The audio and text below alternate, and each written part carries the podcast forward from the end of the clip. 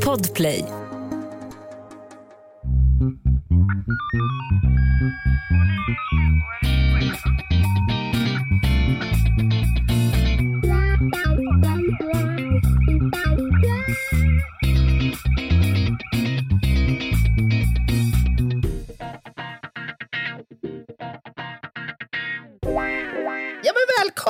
Till krimpoddarnas krimpodd Över min döda kropp med mig, Anna Jinghede och...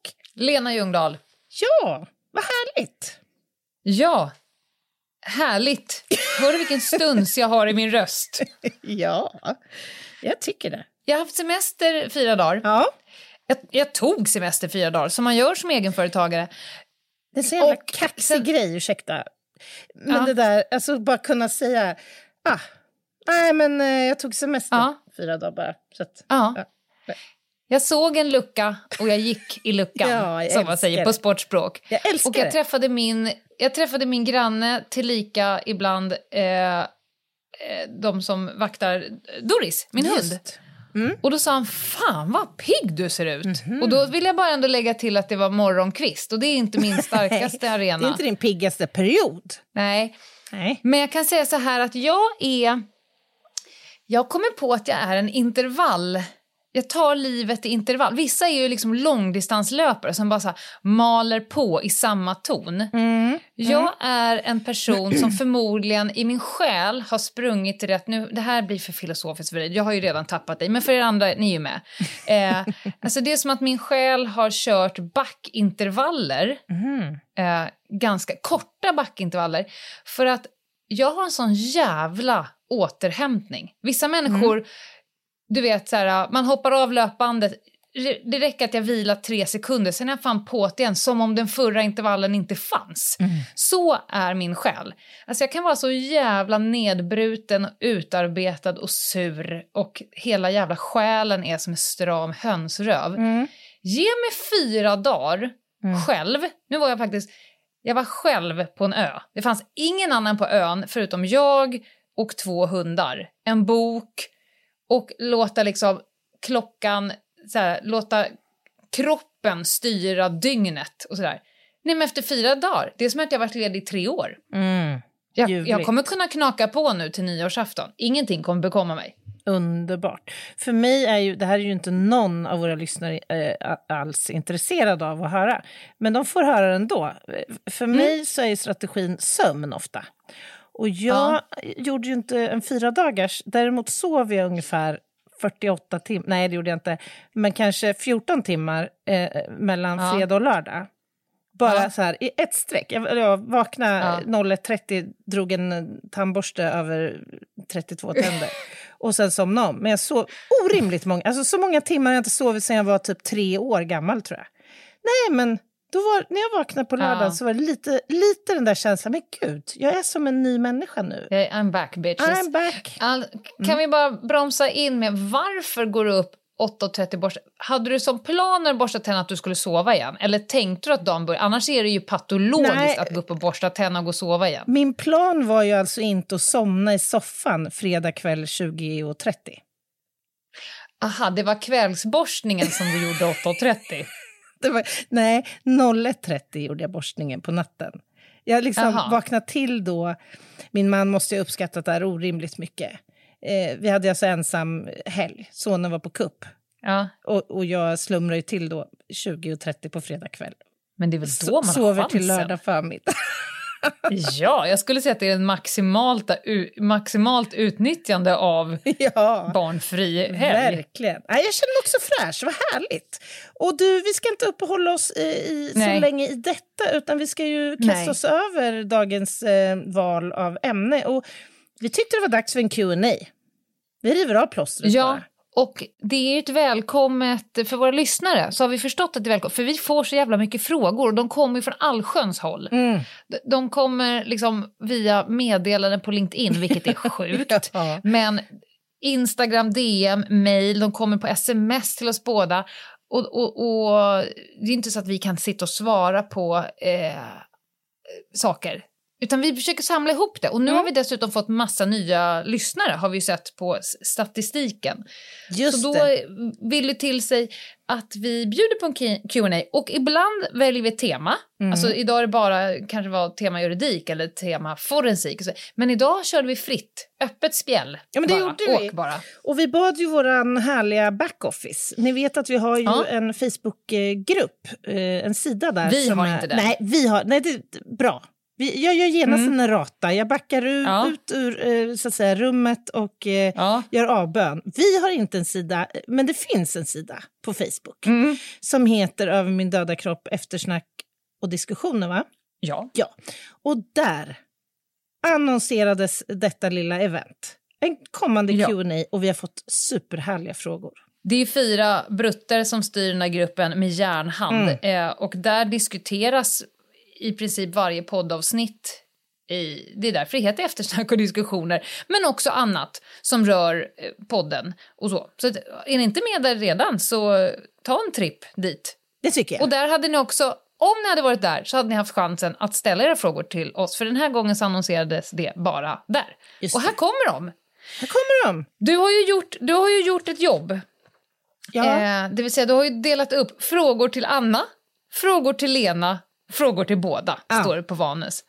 Eh, vill du att jag ställer en, en fråga till dig? Ja, men här, var, för all del, för all del. Tackar, tackar. Jag, jag kommer ställa den frågan som jag tyckte var roligast. Aha, aha. Om man läggs i sträckbänk som tortyrmetod, vad i kroppen går sönder Oj, ja. först? Ja, du, du, Jag tycker att det är en fantastisk fråga. ja, men det är ju... Och det gör också lite ont när jag läser den. Ja, alltså det ska ju sägas, vi har ju haft ett avsnitt om tortyr. Ja, Därav tror jag att eh, den här frågan ja kommer. där pratade du sträckbänk. Ja, Mm. och, och jag ska vara ärlig och säga att jag vet inte, jag vet inte om någon egentligen vet, jag tror inte det har gjorts jättemycket forskning på detta, men utifrån fysiologiska basala principer så kan man ju säga så här att om kroppen plant, eh, planteras, det vara, placeras i horisontalläge och du lägger ett drag i båda ändar, alltså armar dras åt ett håll och eh, extremiteterna, alltså, eller benen dras eh, Ja. åt det andra, så är det ju givet att förr eller senare kommer man ju nå kroppens maximala plasticitet. Det vill säga Ja. att vävnader kommer att börja brista. Och då ska vi komma Mm. ihåg att hud och senor och muskler är ganska tänjbara. Det ska liksom till ganska mycket drag innan någonting där går sönder.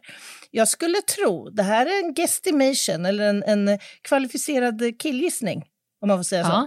Ja. Jag tror att våra leder kommer att ge efter först. Ligamenten Mm. i knäleder, armbågsleder, händer, fingerleder och så vidare. Brister. Ja. Brister. Mm.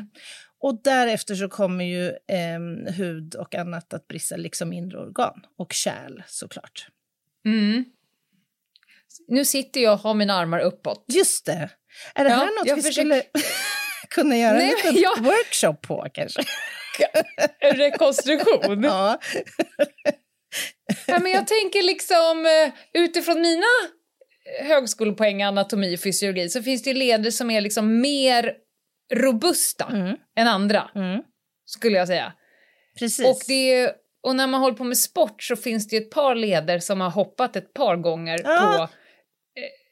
det, det där... Det är ju ändå ett, ett, ett ganska starkt... Eh, en, jag skulle säga att det är en bra gissning, för det, hoppar axlar eh, ofta, då är det nog rätt troligt att de kommer ge med sig snabbare än eh, leder som aldrig hoppar. Men jag uppskattar också referensen, för att jag tror att de flesta Mm. kan relatera till, precis det du säger, gymnaster, om vi tar det som ett Mm. exempel, att gymnaster är ju så överrörliga, de kan ju alltså så att säga vika sina leder i negativ riktning. Alltså de, Ja. i, i riktning som man inte ska kunna göra, på grund av att de har ju liksom tänjt och dragit, Stretchat. Ja. Så att jag tror du är helt rätt på det där Ljungdahl. Jag är på. Ja. Ska vi gå vidare? För Ja. nu känns det ändå som att vi tappar krimpodds Nej, inte lite grann. alls, inte alls. Det var er fråga. eh, du ska få en till här. Jaha, direkt, okej. Ja, ja, ja, du ska faktiskt få en till. Eh, vad använder kriminaltekniker för kamera? Oj. Objektiv, vilka inställningar är liksom dina favoriter när du jobbar crime scene? eh, nu, skillnad inomhus och utomhus. Jag tror att de är intresserade av Oj. ISO-talet här till och med. Gud, Ja. Det här är ju en Och hel... jobbar du, jobbar du liksom automatläge eller mupp-knappen som eh, jag fick lära mig att det hette när Ja, jag gick en, en digital kamerautbildning för 3000 år sedan. Eller liksom eh, fixa... Och får du redigera bilderna efteråt innan de ska in i fuppen? Eller det är att påverka verkligheten? Alltså det här är en kanonfråga, tycker jag. jag skulle kunna, Vi skulle kunna ta ett avsnitt Ja, på det här. Det kommer vi kanske ja, göra. Det ska vi inte göra. Men så här, förenklat. Eh, vi- kriminaltekniker i Sverige använder inte samma märke på kamerautrustning om vi börjar där. Och det finns ju principiellt två som kan konkurrera eh, om eh, detta. Det är Nikon och Canon. Och själv Mm. använder jag en Canon-kamera, 600D eller vad den heter. Jag är faktiskt inte säker Mm. på modellnamnet. Det låter rimligt. Vad gäller inställningar då, alltså foto är ju jättestor del av den kriminaltekniska verksamheten och det är gud förbannat Billy Öhman svårt alltså. Det här kräver många års faktiskt träning och erfarenheter för att vi ska kunna fota både översiktsbilder i alla väderlekar, ljusförhållanden, ute, inne, you name it. Till det allra, allra, allra minsta på makronivå. Ja. Så i grunden så kan man säga så här att jag jobbar med dels ett normalobjektiv och dels vidvinkel för lite mindre eh, utrymmen.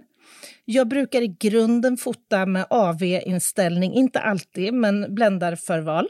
Mm. Ibland, om det blir jättesvårt, mina bilder blir liksom tveksamma, jag blir inte nöjd, då brukar jag använda feg-knappen, den gröna fyrkanten, för att se vad väljer kameran här? Vad vill kameran Ja, ha för inställning? Och så utgår jag från det, gör lite justeringar. Är det skymning, är det mörkt, då blir det stativ. Då blir det lite Mm. andra inställningar. ISO-talet, alltså ljus... Eh, Ja. eh, eh, Mm. den får vi inte öka upp i grunden särskilt mycket alls för att det påverkar eh, liksom, kornheten i bilderna. Så Mhm. den brukar vi försöka hålla låg. Men är en översiktsbild där jag inte behöver visa liksom, ett fingeravtryck eller något väldigt Nej. litet, då kan man tillåtas att höja upp. Så det handlar om så här att lära sig kameran bra, förstå vilka ändringar som kommer justera eller sk- skapa ett utfall liksom i den färdiga bilden. Och sen får man laga efter läge. Ska jag fota ett fingeravtryck på en glödlampa eller på en spegel i blänk, ja då måste jag uppfinna ett sätt för just den situationen faktiskt. Så är det. Använder du aldrig iPhones? Eh, För Jo, de nya iPhone har ju händer också. fantastiska ja, kameror. Ja, ja, Händer ofta skulle jag säga, eller oftare. Mm. Eh, och då kan, Ja. härom, härom sisten så gjorde jag det, då hade jag försökt att frilägga en kula som satt inne i en vägg, en innervägg. Och då kom jag Ja. inte in med min kamera, men jag kommer in med Nej. mobilen. Det blir en jättebra det. bild. Så att, ja. Och vad gäller det här att eh, korrigera och redigera bilder, ja, man kan tillåta sig att ljusa upp, alltså göra, vad ska jag säga, enkla förbättringar av Mm. bilder. Men man måste vara transparent med, med vad man har gjort. Och man får naturligtvis inte manipulera eller förvanska eller liksom förändra en bild så att den liksom avviker från originalbilden. För då kommer det att väcka frågor i rätten. Alla bilder läggs ju in i Mm. sitt original i ett ärende innan man har förbättrat kanske högdagrar eller kontrast eller lite extra ljus. Mm. Alltså förbättrat exponeringen lite grann som ibland kan behövas. Får jag, får jag med bestämdhet hävda att den här frågan också var till mig? Självklart! Jag men kommer också svara på den här frågan. erfarenheter av foto. Jag kommer ta det till video. Därför Mm. att efter att ha jobbat som spanare i evigheters evigheter Mm. så ska ju allt dokumenteras Mm. förutsättningslöst. Mm. Alltså om man jobbar i tio timmar så kanske man filmar i åtta timmar. Förutsättningslöst bara. så mycket. Ja men alltså Mm. det filmas och fotas så fruktansvärt mycket. Fotas gör det mest på bäck faktiskt. Alltså Mm. att, Mhm. att gå upp i rätten med en rörlig film på åtta sekunder Mm. över ett händelseförlopp än att ge en stillbild på en person. Mm. Alltså, det, vi föredrar mycket mer eh, rörlig film. Så att stillbildskamera har man egentligen bara om man har typ en fast holk, om man sitter i en lägenhet och, och tittar in i en lägenhet på sidan gatan. Men annars så jobbar spanar extremt mycket videokamera. Och här skulle jag vilja säga, här är det om du tycker att det är svårt, här är det så jävla svårt därför att ett, den ska funka i mörker. Ja. Eh, Ja. och, och du ska kunna zooma i all oändlighet. Så behö- Det är ganska dyra eh, hand... Det ska vara handburet. Det ska dessutom inte synas att du har den i din hand. Så den bästa kameran är ju en handburen kamera som är ganska liten som du typ kan så här, dölja. Eh, den ska gärna vara får absolut inte finnas något som blänker Nej. på den. Så att om man tittar in i en bil eller i ett fönster så Så att jag satt ju med svart eltejp och tejpade över alla såna här, där det stod Sony, där satt jag då svart eltejp över alla bokstäverna så att det inte blir blänk när någon tittar på mig och så kan jag dölja den i min hand.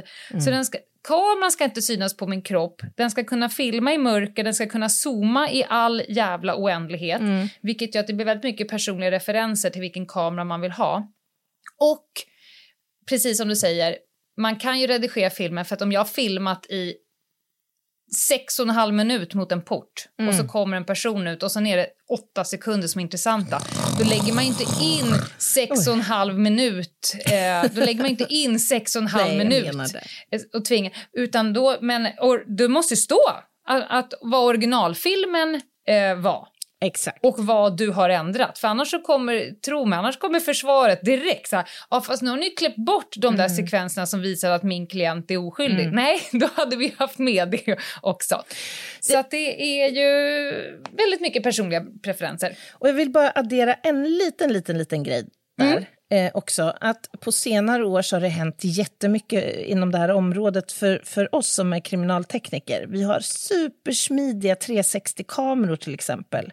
Så vi snabbt och enkelt kan ta bilder 360 grader. Vi har drönare ut, eller UAS, som tar bilder från ovan och vi jobbar ju mer och mer med 3D-skanning. Jag Såklart. redovisade häromdagen ett protokoll som nu är i rätten där vi har kunnat visa med 3D hur kulor har gått in i en villafastighet till exempel. Alltså det blir så mycket bättre att kunna flytta en brottsplats eller som du, där du eh, refererar till en spaningsinsats till rätten på ett rättvist sätt. Ja, så att man får, fattar, får dem att förstå hur det på riktigt Ja. var. Just. Och, och eh, he, tack och hej för eh, iPhone och så. Det är ju rätt mycket lätt, om det är ett tillfälle där du inte kan veva upp en, en handburen videokamera i handen, det är ganska lätt att smygfilma folk med sin Ja. Eh, iPhone med Hello Kitty-skal på. Jag har ju förstått att du tycker det. Alltså, Ja. du gör ju det ibland. Så här, I, ja. ja, eh, jag Ja. hade inte blivit framgångsrik. Men det spelar ingen roll. Nej. Nu tänkte jag eh, Bra. gå, gå emellan med en fråga till oss båda och sen kommer jag dundra Mm. på med lite frågor Mhm. till dig. Vi börjar med eh, den här frågan. Varför helljusblinkar poliser innan omkörning? det är en kul fråga. Ja, det är en bra fråga. Ja. Det är en jättekul fråga. Jag minns ju när man gick utryckningsförarkursen. Mm. Eh, först ska man ha körkort för att bli polis och sen så ska du gå en massa olika kurser för att eh, få jobba under utryckning. Det vill säga få slänga på ljud och ljus och Mm. bränna gummit av helvete, rent krasst. Och då eh, ingår ju i, i övningen att göra rätt avancerade och aggressiva och säkra och trygga omkörningar. Just det. Eh, och människor blir ju generellt eh, lite rädda när polisen kommer farande och kan börja bete sig på allsköns roliga sätt. Vindrutetorkarna börjar veva. Alltså det är så mycket, Ja. Man får vara beredd på det mesta.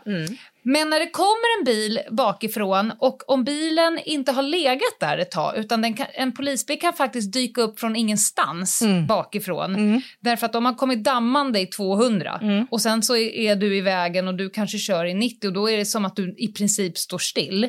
Eh, för att göra dig lite uppmärksam på, hej, hallå, titta upp bakåt, var lite med här nu. Då kan man, det är inte som en lag eller en regel att man alltid gör så, men man kan använda det som en, en teknik vid omkörning, att man flashar till snabbt med helljuset för att säga hepp hepp, kom igen nu, nu, nu är det liksom spänn skinkorna, nu dammar det till här på vänstersidan. Och det är något Snart, man lär sig. Eller högersidan. Ja. Det, det är faktiskt en sån där grej man lär sig. Och det är inte bara vid omkörning, det kan ju vara att man ligger i ytterfilen. Men som du säger, Ja. man kommer i så otroligt hög fart. Och det kan ju finnas någon längre fram som vill göra en liten omkörning och inte har uppmärksammat att jag kommer i jättehög fart. Så att, ja, Ja, och det är inte Bra konstigt svar. att polisbilarna själva när man drar igång blåljus och, och, och, och sirener att, att helljusen automatiskt liksom flashar. Det är bara ett ytterligare sätt att göra dig extremt uppmärksam Exakt. på att nu håller du ratten Gun-Britt, nu åker vi.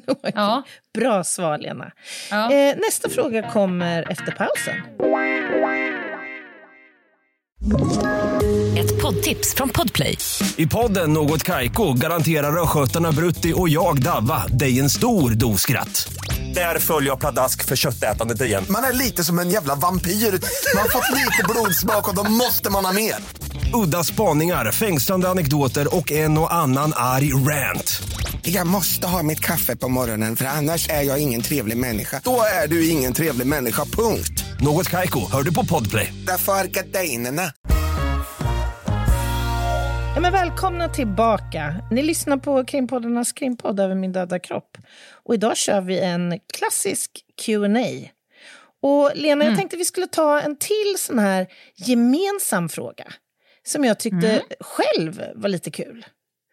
Om, eh, om ni fick återuppta en utredning och sätta ihop ett dream team, döda som levande, vilket case skulle det bli och vilka skulle ingå i utredningen? Har du något sådär spontant? Nej. eller? Nej. jag förstod att du skulle tycka den här frågan är kul eftersom du är liksom som ett Rainman och du minns... Jag känner, när, jag, när jag ser den frågan tänker jag så här. Ett, fy fan vilken tråkig fråga. Två, det finns ingen utredning jag skulle vilja uppleva en gång till. Det, blir som, det är som att bli tillsammans med ett gammalt ex en gång till. Och tre, Dream Team. Ja, alltså det är väl ett gäng mm, poliser som jag skulle stå ut. Ett par sköna, par sköna lirare som jag vill liksom slänga käft med. Nej, jag, har, jag, jag kan inte svara på den frågan. Okej, men får jag svara på den då? Eller? Jag kör. Säger du da Costa nu? Nej, nej, jag kommer inte göra det. Nej, jag, tyck- okej. jag tyckte det här var en kul fråga och det fick mig att fun- fundera. Först Mhm. så tänkte jag på eh, pojken Johan Asplund. Eh, som Mm. jag, ett ett eh, försvinnande som jag så gärna skulle vilja klarades upp.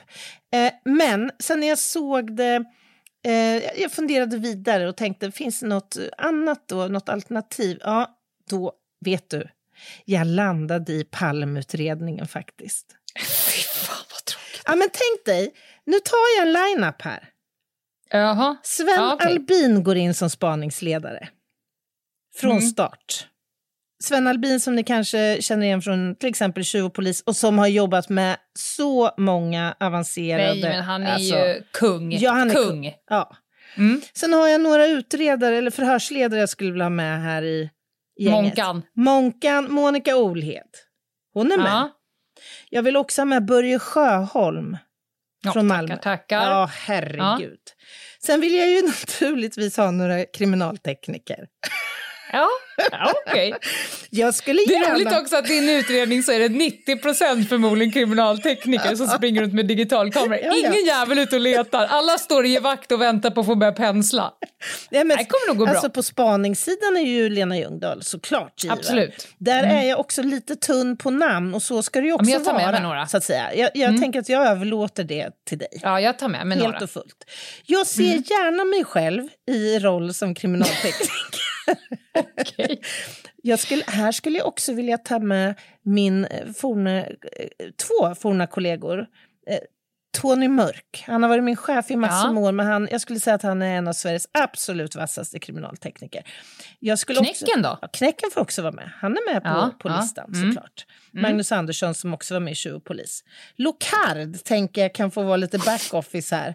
Han kan Ska han säkert... jag koka kaffe? ja, Ja, men vad fan ska han del. bidra med? Ja, det är lika del. viktigt med det. Ja. Förplägnad. Sen tänker jag att jag tycker det skulle vara charmigt att få ge Christer Petersson lite revansch. Tänk om man kunde få vara med från början som åklagare och faktiskt Ja. slippa det här debaclet med peniskonferensen. Ja. Alltså, När du säger, Mm. ja jag fattar. När du säger så, så nu fick jag, jag ju en, en feeling. jaha, Jag skulle vilja stoppa upp ett dreamteam av Christer Pettersson och alltså riktiga gamla flå...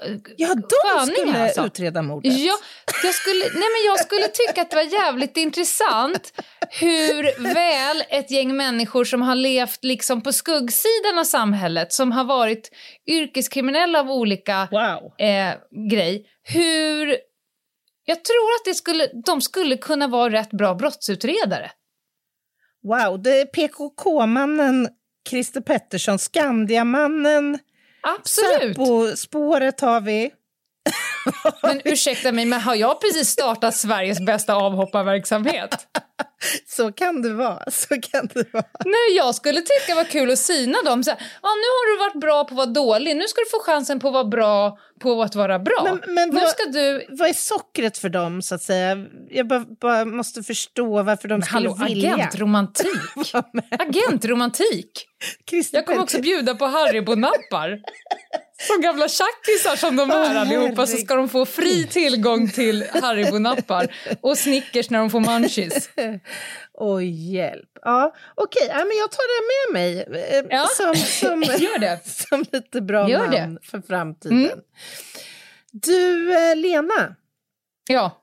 är det svårare att spana i små orter eller typ på landsbygd än vad det är att spana Mm. i storstadsmiljö? Eh, ja och nej.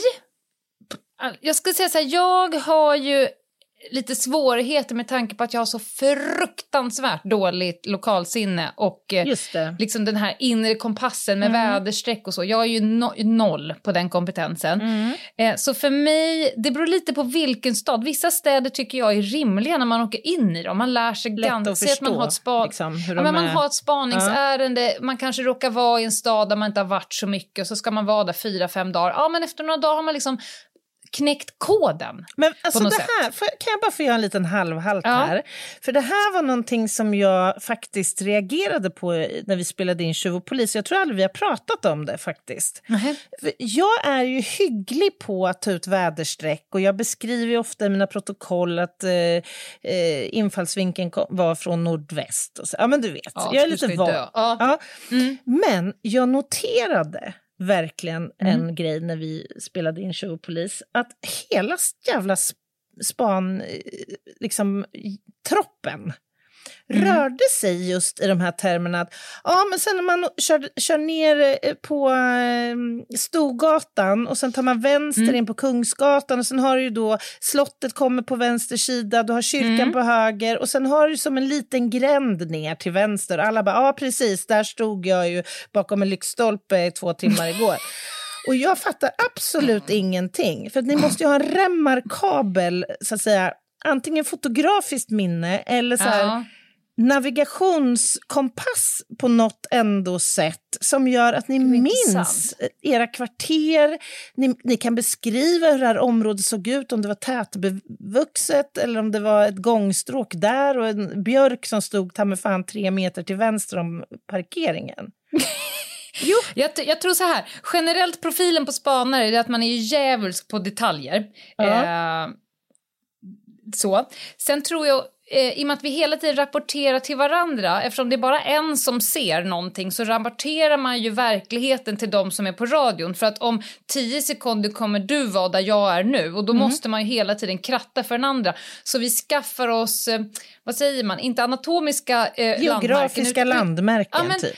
och topografin Eller? Och det, ja, och man lär sig tidigt, tidigt på spaningsutbildning att inga jävla väderstreck utan det är liksom vid det röda huset s- så finns, står en gul bil. Därför att om jag säger nordväst, eh, om spanarna kommer från 360 graders håll, det ger egentligen ingen information till någon. Så att vi, jag, jag tror att det är att man jobbar väldigt mycket med med stillbilder i sin Fasta, hjärna liksom. och sen är man duktig på att beskriva det för andra. Att när du kommer komma hit insladdande som 30 sekunder och ska se naturlig ut och filma Mm. så är det det här du kommer mötas av och då tittar man nog på världen på ett särskilt Mm. sätt. Det var inte alls svaret på... på Nej, det var, jag hittade Nej, jag- på en fråga. Ja men det var jätteintressant. Eh, jag, jag, ska säga så här, jag har dåligt lokalsinne. Självklart är det svårt att, att spana i små orter och landsbygd därför att det är så jävla mycket svårare att smälta in i miljön. Du mm. sticker ut. Så fort, jag menar du kan ju vara på en plats där det är en människa eh, i timmen, mm. då kommer du ju sticka ut än om du befinner dig i ett jävla allmänt myller. För då kommer du nästan kunna gå naken utan någon jävel reagerar. Ja, dels det. Och jag tänker också ja. att det är faktiskt en betydligt högre risk att bli igenkänd i ja. en liten ort. Där är hon en, igen! En, ja, jag menar det. Plus att alla känner alla. Det var ju det som var det svåraste ja. och helt sinnessjukt egentligen i Tjuv och polis. Vi var i Askersund och Lysekil. ja. Det är ju två städer som man kan stoppa ner bakfickan på sig själv. Alla känner alla. Och så bara, ja, men vi plockar ut tre spanare typ. Man bara, men vad tror ni vår uthållighet är? Har jag gått på Ica och käkat lunch, då är jag ju bränd mm. på stadens torg sen. Mm. Så att på så sätt så är det ju mycket, mycket lättare att spana i storstadsmiljö. Å andra sidan är det mycket, mycket lättare för dem vi spanar på att försvinna upp i tomma intet mm. i en mm. storstad. Mm. För är det svårt för oss, då är det svårt för dem. Är det mm. lätt för oss, är det lätt för dem. Ja. ja. Å ena sidan och å andra sidan. Precis. Du, eh, om du är ute på ett spaningsuppdrag Mm. Och sen har du, du observerar en person och din uppgift mm. för dagen är att följa den här personen. Låt säga i bil, mm. för enkelhetens ja. skull. Då är frågan, ja. vad händer om man i tjänst, som då spanare, blir stoppad? Mm. Låt säga att du åker in i en trafikkontroll eller att du kör framför ditt fordon på ett sätt som eh, väcker en patrulls intresse. Vad, ja. vad gör du? Kan du säga det? Jag slingrar mig ur situationen så fort det går. Eh, och ibland går inte det eh, särskilt fort därför att det är sån jävla trög lucköppning på den andra. Mm. Eh, det lättaste sättet är att fort som tusan visa sitt polislägg mm. och säga polis i tjänst. Mm. Då kommer det en första hårklyveriet. De vet ju inte om jag är i tjänst eller om jag drar en rövare. Mm. Och sett till hur jag såg ut, hur min bil såg ut så är det ganska långsökt kan man ingenting om spaningsverksamhet, då är det nog lätt att tänka, hörru du, du kan inte hålla på och flasha med polislägget varje gång du blir stoppad när du kör för fort i privatliv. Och då är det faktiskt så att man får inte ge rapporteftergift Nej. till andra poliser. Alltså, man måste rapportera en polis. Mm. Eh, och, och, och, det kan ju ta lite tid att verkligen förklara jag är i tjänst. Och det mm. kan man göra på olika sätt. Man kan till exempel visa sin pistol, har gjort det en gång. Mm. När de bara så här, men du är inte tjänst. Man bara, hehe. Man visar typ snabbt pistolen, man visar sin dolda eh, kamera och bara, jo, och nu åker jag. Mm. Och då ser man när man åker, det sista man ser i backspegeln hur någon står och ser ut som en jävla fågelholk och bara Uh, men man ska också komma ihop. ihåg en sak. Ja. Att många som jobbar ute i fasta trafikkontroller till exempel ja. är ju tämligen nya poliser. Ja. Och de allra flesta har av givna skäl inte koll på vilka Nej. som jobbar som spanare. De ska inte ha koll. Exakt eller hur den verksamheten är beskaffad. Och Det innebär Nej. att sådana här situationer kan ju uppkomma som ställer till det liksom, för en kollega ja, fast man inte ja. vill det. Eller sådär. Ja, och jag har ju djup respekt för det, utan då försöker jag på alla sätt jag kan så tydligt och snabbt som möjligt visa att det är så som jag säger att mm. det är. Mm. Med vetskapen om att jag kan inte göra det för det har ju också varit en situation. Mm. Jag kan inte ta fram mitt lägg just nu för att jag har en av mina spaningsobjekt mm. som står precis mm. bredvid. Så jag har ju snällt någon gång faktiskt skrivit på en bot. Mm. Alltså, och sen får man skriva längst ner bara, eh, ring mig, pricknummer, ja. liksom. Så. När de fattar då, är, då brukar de ju backa långsamt ut ur rummet. Men, men, men det brukar lösa sig smidigt. Ibland när jag kör som ett as mm. Alltså, säg att man ligger i, någon, i ett spantåg. Mm. Eh, spaningsobjektet har passerat inte vet jag, Kungens kurva och själv är jag vid Västberga. Det är ett par kilometer bort och jag vet att jag ligger sist i spantåget och jag får absolut inte bli avhängd nu. Mm. Och sen ser man hur det åker på en polisbil. Oh. Då kan man inte damma förbi en polisbil i 200 km i timmen och tro att nej men den kommer nog inte stoppa mig. Mm. Då har jag en metod som är att man gasar upp ordentligt mm. och sen när man är precis i höjd med polisbilen så drar man på en tvärnit som, som gör att de båda tittar. Alltså jag vill ha deras uppmärksamhet jävligt snabbt. Och då smackar man upp polislägget i rutan och sen är det plattan i mattan och go. Och då, hundra fall av hundra så funkar det. För så gör ju inte en privatpolis som bara vill ha bråttom till Ica. En privat polis, en privat bilist. En privatperson, en polis, privat. Ja, du fattar. Jag fattar, precis.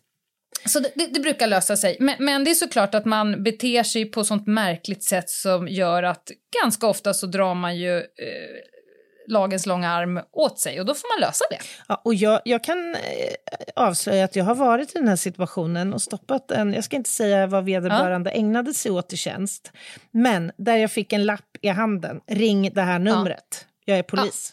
Och jag så, Det går- se brickan. Och sen en... Tack och lov Ja. är man ju som spanare jävligt kreativ. Mm. Det är ju en av grundbultarna, så det löser sig Ja. på olika sätt. Men man får ju vara uppmärksam även på poliser, för de kan ställa till spaningarna. fast de vill inte det, men de gör det ändå. De gör det ändå. Ja. Yes, vad ska vi ta nu då? Nu ska jag ställa en fråga till dig. Mm. Hur många vita overaller förbrukas per person under en dag på en större brottsplats? Jag gissar vilt att du måste byta din vita overall efter toabesök, efter lunch och så vidare. Det är som scrubs. Ja, ja men det här är en bra fråga. Eh, det går inte att ge ett svar på det. Det beror ju alldeles på vad det är för typ av plats, om det är smutsigt, om det är mycket blod, om det är väldigt varmt. Det kan finnas hundra skäl menar jag till att byta sin vita overall. Men det, det som liksom är inriktningen för oss det är att försöka hålla oss dels så rena som möjligt hela tiden under hela platsundersökningens gång. Eh, men också eh, alltså, re, re, alltså rena i meningen att vi vill inte gå omkring och se solkiga och annat ut och då vet vi att vi har också fått på, på oss mycket spår. Men vi behöver också byta av den anledningen att vi själva liksom drar, kanske drar upp ärmen eller korrigerar dragkedjan och allt det där och avsätter våra egna spår på overallerna. Så att, alltså, vi byter ganska frekvent. Naturligtvis Går vi på toaletten självklart eller hoppar vi ur overallen så tar vi naturligtvis en ny när vi sen återupptar arbetet. Men det är liksom Ja. en av de främsta kvalitetsåtgärderna vi kan vidta på en brottsplats. Det är att vara generösa med byte av inte bara overall utan handskar, munskydd, huvudbonad och skoskydd. På grund av Locards princip är det du håller på med det där. Exakt, Ja. exakt. Och sen ska du få en fråga här som jag tycker är fantastiskt rolig. Den, den har kommit in från en person som bor granne med polishuset i Örebro. Hen undrar hur många gånger per dag behövs det provtutas i polisbilarna i Örebro polishus? Det här, alltså jag såg den här frågan och jag tycker den är så rolig. Och Ja. nu vet inte jag... Bless your jag, heart. Ja, för att det är så här att vi har ju våra fordon i samma garage som eh, utryckningsfordonen.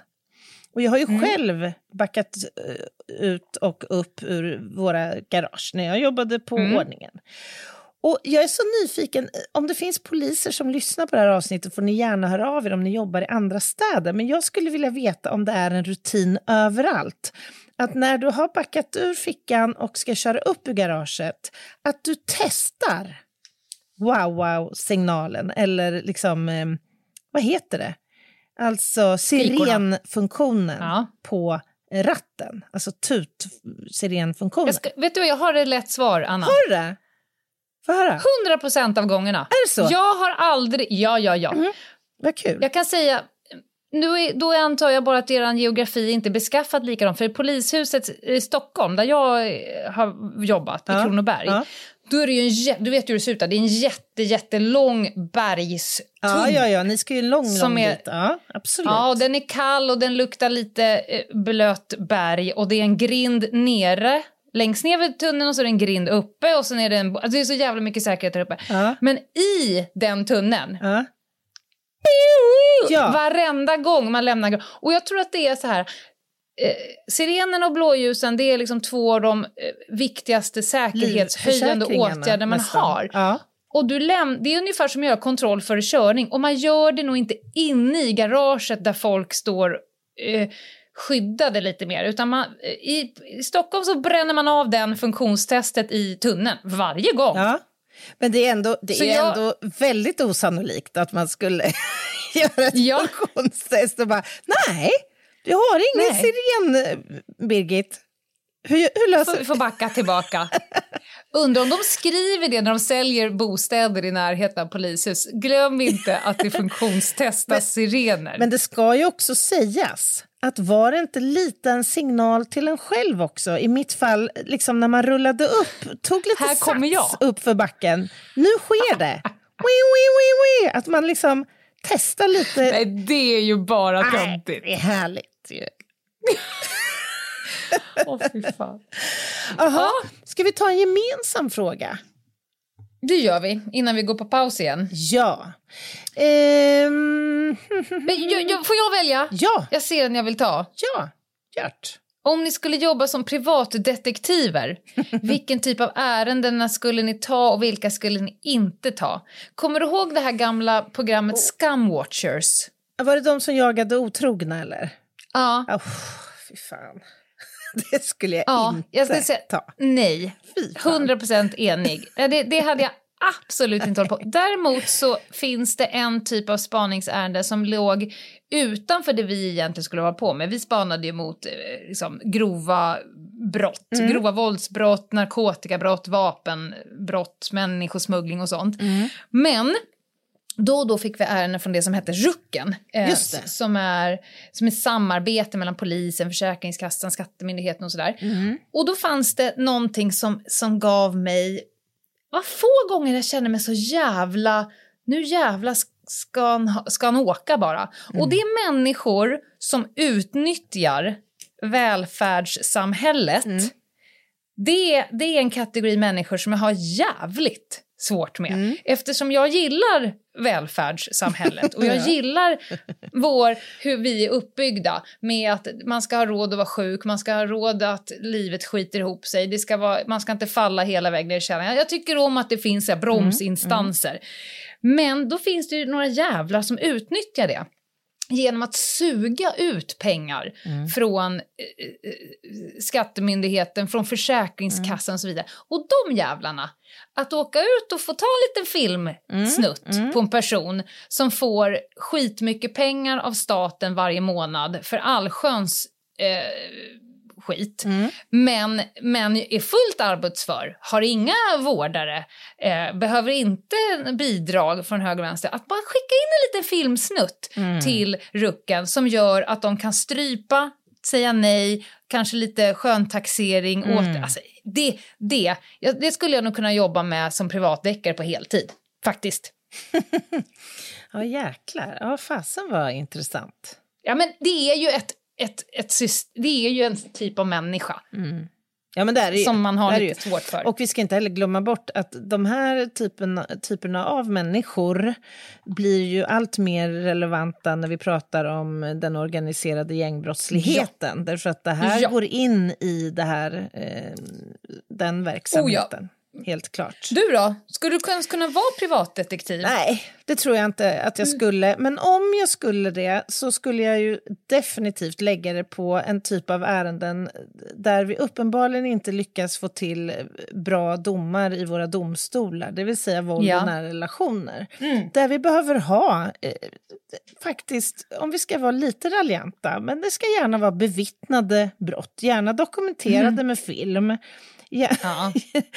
alltså, ja. Ja. vi, vi, ska inte, vi ska inte öppna den Hängslen, lådan. livrem, flytväst och hjälm Lite så. krävs. Det skulle kännas fällande dom. otroligt uppfriskande om man kunde få bidra lite grann till att faktiskt generera bevisning i de eh, ärendena. Ja. Bra, bra svar. Mm. Och nu går vi på vår sista paus. Ja, det gör vi. Poddtips från Podplay. I podden Något Kaiko garanterar östgötarna Brutti och jag, Davva, dig en stor dos skratt. Där följer jag pladask för köttätandet igen. Man är lite som en jävla vampyr. Man har fått lite blodsmak och då måste man ha mer. Udda spaningar, fängslande anekdoter och en och annan arg rant. Jag måste ha mitt kaffe på morgonen för annars är jag ingen trevlig människa. Då är du ingen trevlig människa, punkt. Något Kaiko, hör du på Podplay. Därför är gardinerna. Välkomna tillbaka. Du lyssnar på krimpoddarnas krimpodd Över min döda kropp och vi kör en Q&A idag. Lena, vi har fått en fråga som jag tycker är lite kul faktiskt. Jag är lite nyfiken på hur du eh, ser Mhm. på den här. Nämligen, vilken eller vilka lagar tycker du är viktigast att gemene man kan av alla lagar som finns i lagboken? Fy fan den är- vilken den fråga, den har inte jag svår. Men sett. jag har ett givet svar på den. Ja, alltså mitt lätta svar skulle ju vara så här... äh, Lag. Mitt lätta svar skulle vara att du ska kunna regeringsformen, dina Mm. fri och rättigheter som du har som människa och, och faktiskt vara rädd om dem. Men det blir så jävla... Ja, det är tört. Ja, det, det är torrt alltså. Och, och det är så fruktansvärt många människor som har koll på sina fri och rättigheter men har ingen jävla aning om sina skyldigheter. Nej. Så jag skulle mer vara så här, fråga inte vad du kan göra för landet, fråga, vad fan, eller fråga inte vad landet kan göra för dig, fråga vad du kan göra för det här landet. Ja. Jag landar lite där. Ja, det är bra. Ehm. det är bra svar i och för sig. Om, om vi begränsar oss till, till eh, brottsbalken då? Brottsbalken. Då skulle jag nog säga att de viktigaste lagen är nog de som skyddar barn och djur. Om du ger fan i att begå brott mot eh, djur Mm, och barn mm. eh, först. Efter det kommer kvinnor. Nej men förstår du? Mm, Alla som är skyddsvärda, alla som är i, i låg maktställning är, är, är sköra, sårbara, de äldre och så vidare. Mm. Eh, om du bara föds till denna jord och dör utan att ha gett dig på de som är svaga och sårbara, då skulle jag tycka att det var fint. Och ha inte dimljus på om det inte är dimma. Den också. Ja, men precis, den är viktig. Alltså, jag lever i någon slags naiv föreställning om att de allra flesta vet att man inte får våldta, eh, slå Ja. en annan och så här. Men jag sitter ju dagligen i sociala medier. Och jag undrar om det är allmänt känt när jag tittar på de här marketplace och annonssidorna. Jag undrar om det Mhm. verkligen är allmänt känt att man inte får ta andras saker och sen sälja dem vidare i diverse typer av Du är inne på grupper. Tillgreppsbrotten alltså. Det kunde jag inte se komma. Nej, men jag är så... Alltså förstår du hur mycket resurs detta tar för det första från polisen? Tillgreppsbrott, att folk inte kan ge fan i Ja. att ta andras permobiler, cyklar, barnvagnar, blomkrukor, klockor på gymmet eller Levis jeans. Alltså på riktigt. Ja, ge Sluta. fan i mina pinaler. Ge fan i att stjäla andras saker bara. Jag är så Ja, men det, otroligt less på det var där. ett väldigt bra svar. Jag skulle också vilja att alla, alla människor kunde polislagen. Det vore fräscht. Därför att jag är så jävla trött på idiotiska frågor som får polisen verkligen göra det där? Läs polislagen! Ja. Ja, men det är väl, Lär- alltså, ja. Att läsa lagen och sätta sig in i Sveriges rikets lag, det är ju lite som kanske att läsa eh, Bibeln någon gång i livet. Det är inte så dumt. Vet du vad, jag, precis innan vi började, du ringde ju mig och sa ska vi inte podda? Och visst fan sa jag, för jag satt och pluggade juridik med min gymnasieson. Och det är en jävla ynnest faktiskt att få diskutera, vi diskuterade just eh, ehm, koranbränningarna versus Oj, hets mot eh, folkgrupp och ordningslagen. Och i bara en sån diskussion så får man ju in yttrandefrihet, Mhm, rättighet versus skyldighet, att, eh, våldsmonopol och inskränka på rättighet. Och det tycker jag fan är en hygienfaktor som Verkligen. medborgare, att du ska kunna ett knippe sånt. Verkligen. Annars går du ju runt genom livet och bara känner dig som ett offer och Mm. det gör ju folk fula. Och ful vill man ju inte vara. Nej, jag håller med.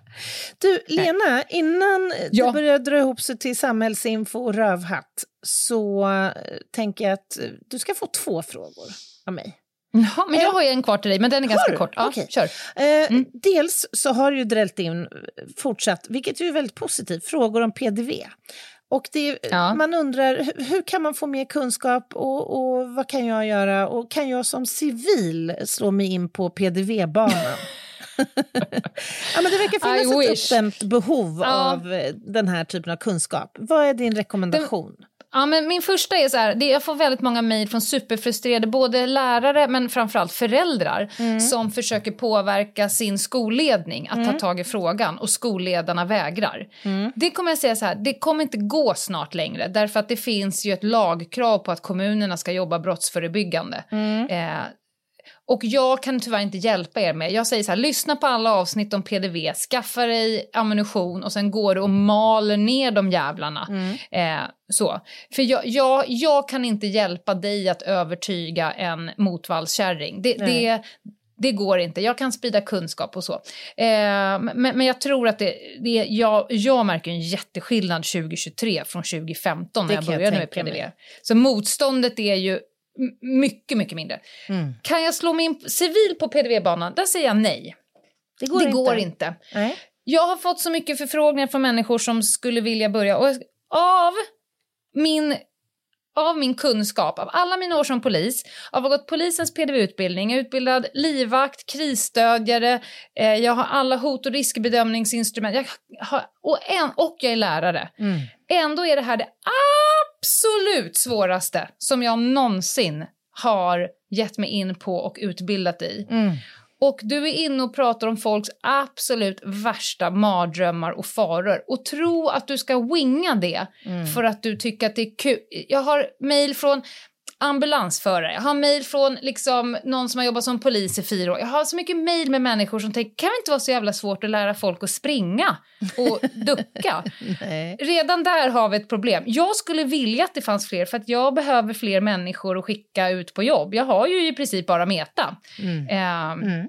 men, men nej, eh, inte på hela PDV. Du kan som civil säkert göra vissa delar. Du kan ju kanske utbilda inom krisstöd eller inom fan vet jag, skalskydd. Men det är det mest komplexa som jag någonsin har hållit på med.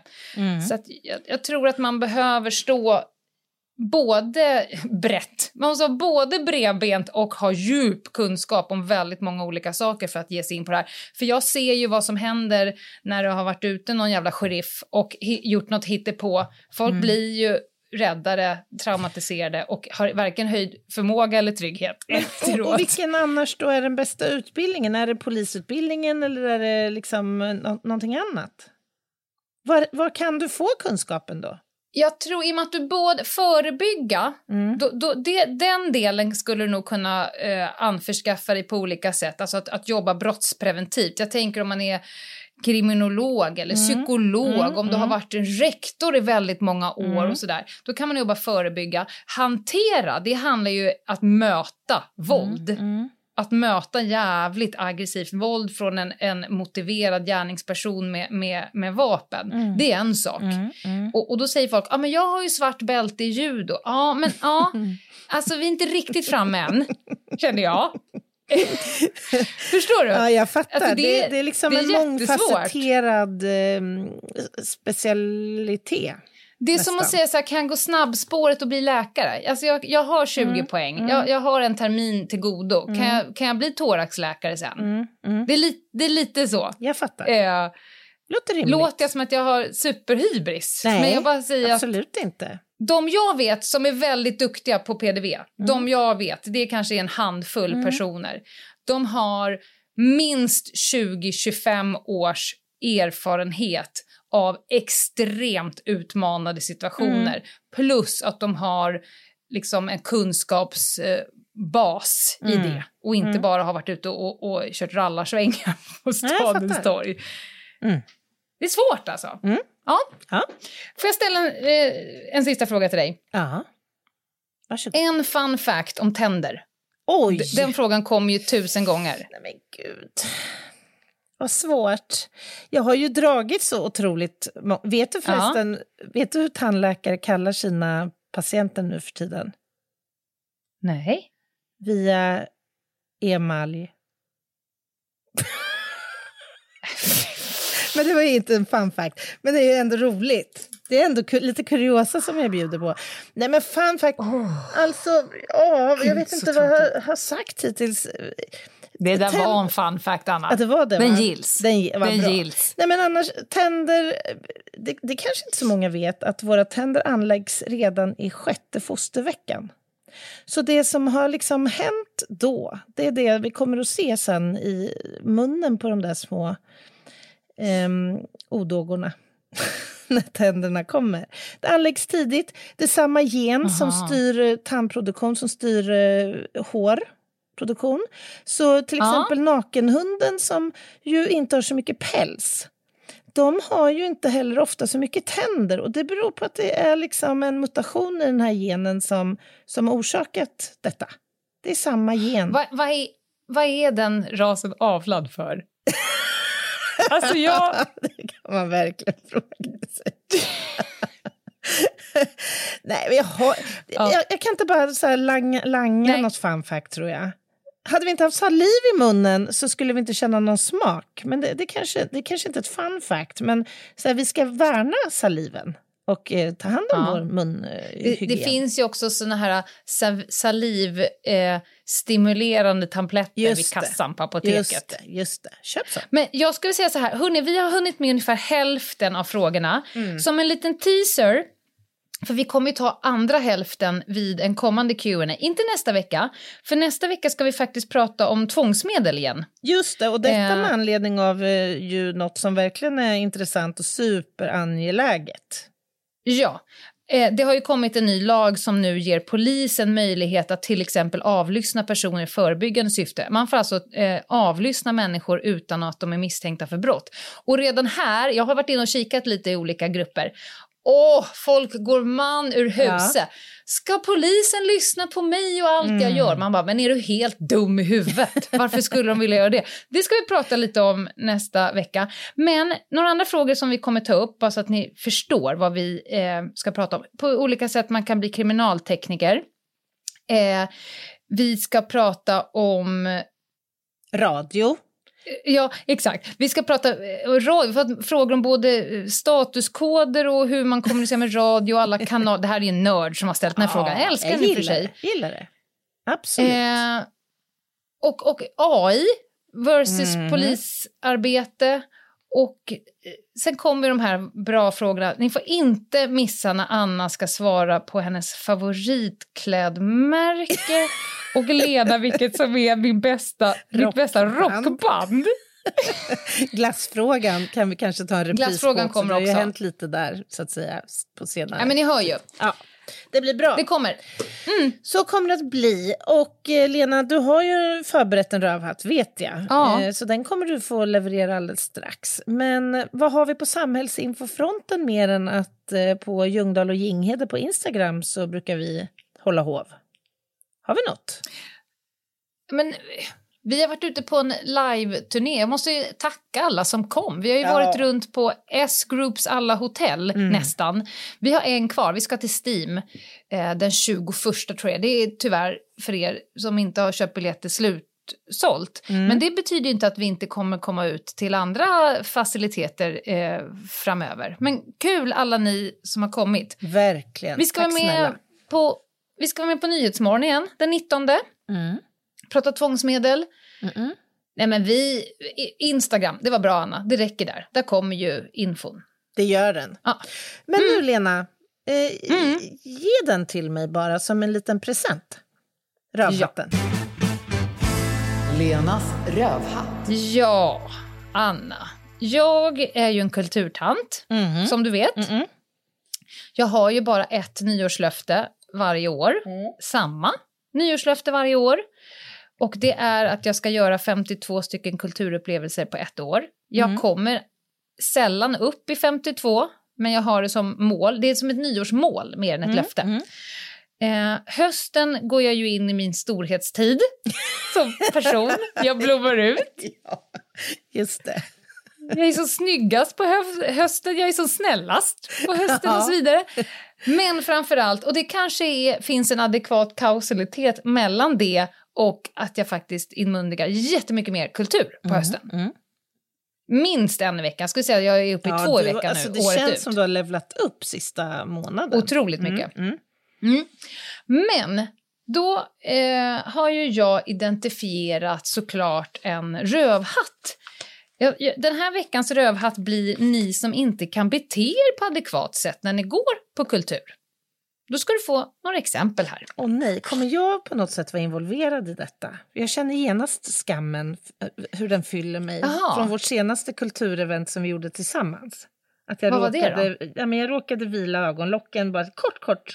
Ja, nej, du sov när vi var på teater. sov, det tycker, jag, det tycker jag ändå kanske att eh, ta, ta i. Alltså, jag, Ja. Nej, men det, det, det, Nej, nej, nej, ska säga, det faller inte faktiskt dig. inte in. nej, Det kan möjligtvis eh, störa den som står på scenen och tänker jaha, Ja. ja. jag var inte bättre än så här. För hon på inte rad kanon, sex sitter ju och dreglar.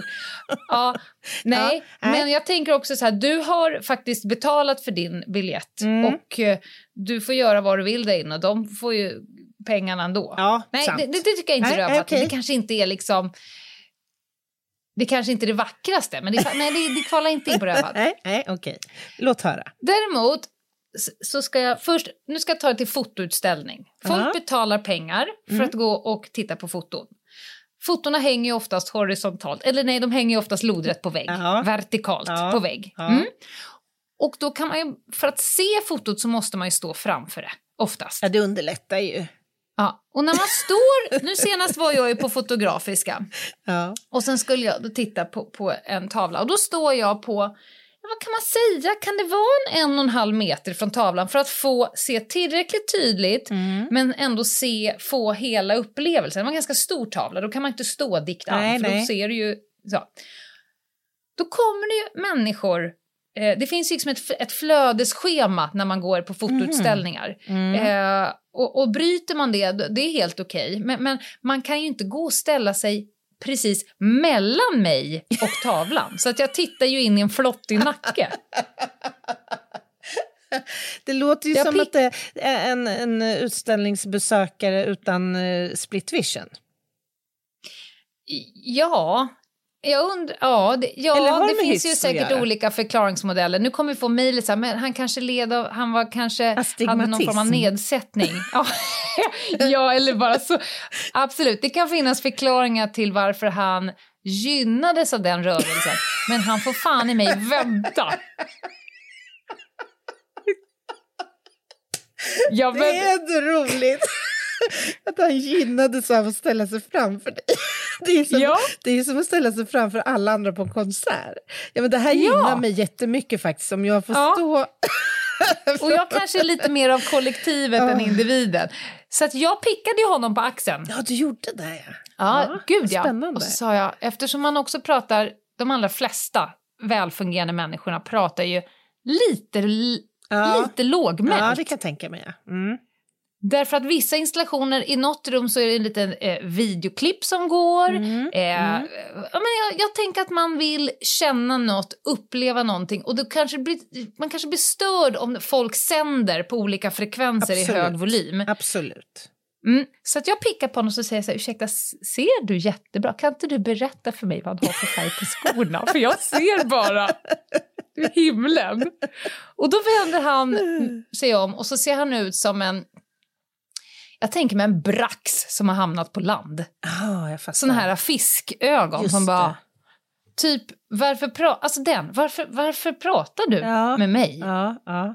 Ja. Han förstod inte riktigt... eh, Nej, inte som- alls. Nej, nej. Nej, så kategori ett, de som rör sig liksom är fel. De som men- stör andras upplevelse av konst. Ja, Det, det är ett jävla rövet. Oavsett om du ställer i vägen eller om du håller på och tjoar och skimmar och skriker och liksom beter Så att man har... Det det här är inte en del av upplevelsen. Nej, Hade det varit en installation av idioter i ett rum, be my guest, skrik. För då, är, då har jag betalat pengar för att få upplevelsen av idiot i rum. Mm, jag Men om jag betalar för att se foton, Mm, då, det. då använder jag... Det jag försöker jobba efter lite, lite respekt för dina medmänniskor Det kan man tycka. Det är och ju... deras upplevelse. Det är generellt ett fräscht inslag i tillvaron, tycker jag. Ja. men, men får jag fråga, slog det dig någonsin att du, att du så att säga kunde göra samma sak? Att du så att säga Att jag bara gick förbi honom och ställde mig och fram. ställde- Eller hade det- störd bit. Eller hade Det det hade blivit, jag ju för sig hade älskat. det blivit som att jaga konsten på något sätt? Det blir lite mer som så här hela havet stormar när man sätter sig på stolarna. Ja, det ska jag göra. Och kanske, kanske också nypa till lite med, med klackarna på Ja. hans tår. Ja, just det. Göra dig också Oj, jättestor. oj, stod du där? Jag, jag såg inte dig. Ja, Ja. Nej, men det, sen, har jag då, sen var jag på Ane Brun, 20-årsjubileum på Cirkus. Magiskt. Vi hade laddat sen vi köpte biljetterna som var för jättelänge sedan. Hon är en husgud för ja, mig. jag vet. Klätt upp oss lite grann, druckit lite gott, fixa hundvakt, tagit ett glas bubbel, så åker man dit och så här, mm, köper biljetterna, de är ganska dyra ändå. Eh, sätter man sig där. Nu! Und- jag, jag, jag, har bara, jag har bara frågor här, Jaha, hur folk oj, tänker. spännande. Ja. Jag, jag förutsätter att människorna runt omkring oss också har köpt biljetter. Några har ju säkert fått Ja. dem via Ja, present Ja, eller Precis, gratis, en företags... Ja, ja. exakt, representation. Men de allra flesta har säkert köpt biljett. Är det inte allmänt känt att när artisten lämnar scenen vid första tillfället Mm. och de sju största hittarna ännu inte spelade, är det inte allmänt känt att personen kommer komma tillbaka? Det är min första fråga. Är det bara jag som fattar att, att artisten kommer komma tillbaka och dra några låtar till? Nej. Det är väl allmänt Det, känt? det får man väl ändå säga att det är. Och, och särskilt om det är en så stor artist. Alltså de Ja. här som inte har så många bra extra nummer Nej. eller hittar, de kanske dammar av allt på ett bräde. Men en, en sån som Anne Brun, absolut. Ja, och, och när då hon lämnar scenen vid Ja. första tillfället och man vet ju att hon har inte kört den här, hon har inte kört den här, hon har inte kört den här. Man bara, det är nu man själv går upp i crescendo. Ja. Bara, nu händer det för fan. Ja, jag har ja, bölat sen jag kom. Ja. Ja, nu ska det stå När urladdningar. hon lämnar scenen, då är det som en strid ström av människor som nu ska krångla sig ut Just det. och bort. De vill Därför att de först ska till hämta ut garderoben. sin jacka. Ja. Ja, de ska hämta ut sin jacka först. Det är också samma människor som sitter och håller sin jacka nypt mot bröstet hela konserten. Det, vilket gör det hela... Vad har de Ännu. bråttom till då? Parkering? Nej, men de tänker väl så här... Nu, nu, vi passar på att smita Ja. nu, Gun-Britt. Slipper vi Vi passar, det är alltid samma person. Det, det är vita, medelålders personer Mm. mellan 45 och 60. där, där har du dem, har som dem. bor i Enebyberg. Men, men, Vart ska de? men kan det ha så Varför? de kände sig nu så nöjda? De kanske hade Nej, men- nått något slags extasläge. Nej, för det, de som känner sig så nöjda det är inte samma personer som lägger 800 spänn på konsertbiljett. Och Så tar kan sig det förvisso vara. Så kan det vara. Om du släpar dit en person som inte är en konsertmänniska och inte gillar Arne Brun, den kommer känna sig mätt efter tre låtar. Mm, Men en person som har pallat sig ut till Djurgården Mm. eh, och köpt en biljett för närmare tusen kronor, den är inte nöjd. Nej, När Arne nej Brun den stora sitt- massan är nog inte det. det Då ska jag. det börja sippra iväg människor. Och då var det så att tre rader framför oss så var det en rad där det inte var en gång framför. Aha. Alltså det var inte så att man kunde, Nej. men den var lite mer spatiös Ja, i sitt utrymme fattar. från knä till ryggstöd. Mm, mm. Vilket gjorde att det var den enda raden i min sektion där inte personerna behövde vika hela sitt förstår. anlete åt Mm, sidan, utan, eller resa sig ut. Vilket gjorde att de här, jag skulle säga att det är åtta personer som satt på den raden, de såg ju ingenting Ingen. av de sista sju låtarna. För det var en stridström av Gun-Britt och Börje från Enebyberg som skulle tränga sig för att, inte vet jag, komma först till spårvagnen, Nej, men det ta ju- första vojen, nej de här åker inte voj. Eh, Men vad är det här- för fel på folk? Men- Stanna hemma för fan, du förstör för mig. Ja, jag har ju några saker här som jag känner spontant. Alltså, dels är vi inne på respekttemat. Det är ju en sak om du blir lack, men det står ju också en artist på scen och Ja. stirrar på ett lämmeltåg som nu lämnar när hon ska liksom maxa. Det, det, det är ju Och då vill jag säga att konserten var magisk. Den fick toppbetyg. Mm. Det är inte så att folk tänkte nej men fan nu har vi chansen att dra. Den var verkligen magisk och Arne Brun-människor som har köpt biljett, de visste vad de skulle få och de fick exakt det och lite till. Så det finns ingenting så här, nej, Mm. Här var det det en underprestation som gör Nej, Nej. det var magi. Mm. Jag bara säga, vad fan är det för fel på folk? De har betalat Mm. pengar, de har kommit hit, de sitter fram till det bästa kommer, då reser de sig upp och går. Jag tror att det här är människor som det är fel på, rest, på i övriga segment av livet också. det här är människor som, de här kan inte vara bra på APT-mötet. De här kan inte vara bra som, som föräldrar. Det är Ja, något men jag, fel. Ja, jag, jag, jag tror ju mer att det här är en klick människor som antingen, som du säger, har blivit inslängda och kanske inte alls ens har hört Arne Brun innan Nej, men så konserten. många. Ja, var det Ja. så många? Ja, jag vet inte. Eller som Ja. inte alltså, uppskattar musiken. Eller, jag kan inte se någon Men det är ju annan rimlig så. förklaring. Du vet ju att det alltid är Ja, så. jo, att när, sant. när artisten går av scenen så har vi ett gäng människor som tänker nu har vi chansen att dra. Som att det liksom de har vunnit någonting. Nu har vi... har vi Nu har vi chansen att dra. Det är inga andra som upptäcker att vi har ett fönster. Vi tar det. Vi vann. Man bara, fast vi som sitter kvar fick ju det bästa av konserten. Nej, jag håller sen- med. det- är märkligt. Det är märkligt. Och nu ska jag slänga in en sista brandflagga, kommer ta 30 sekunder. Ja. Barn på kulturevenemang. Jag, ja, jag vet sällan att jag nu en framgångsfaktor. Ja, jag vet att jag kastar jätte, jätterädda igelkottar i ballongbutiken nu här. Alltså. Och, och ibland så är Men det barn snurrigt har på väl sällan en känsla för kulturella inslag. För någonting faktiskt. Men är det, är det ett sånt här ställe där man säger ja det är barnbio eller det är fucking clownen Mm. Manne eller något så här, då ska barnen få vara där, de ska få vara sig själva, de ska få röja, de ska få fan kasta popcorn, bara kör, var barn. Men Ja. om man tar med barn till ett ställe där det ska liksom köras nå fyrstråkar Men eller där det ska vara det? tyst. Ja, folk gör det. Gud. Och de håller fan inte koll på dem. Och jag bara, åh, nej men jag skaffar barnvakt, hundvakt, köp Ah. biljett för att höra din jävla unge tjuta Nej. i 90 minuter. Nej, Gå hem! okej. Då vore Vem- det läge vem- att resa sig upp och gå, ja.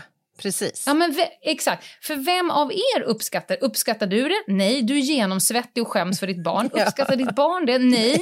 Barnet håller på och kränger sig ur den jävla bävernylons-overallen. Gå hem bara! Ja, Den upplever Ja, ja, inte ja. det här. helt Du kan vara helt 45 när du börjar eh, föra in kultur i barnens liv. Eller så gör du det i ordnade former. Ja, isolerade rum. Med kuddväggar. Ja.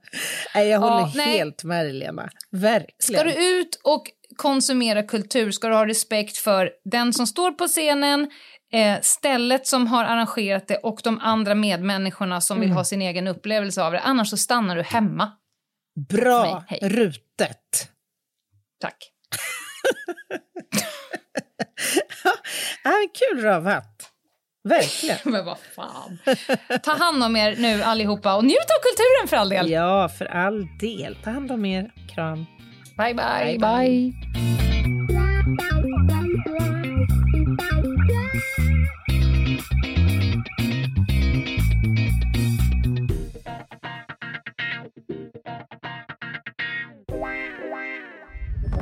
Podplay, en del av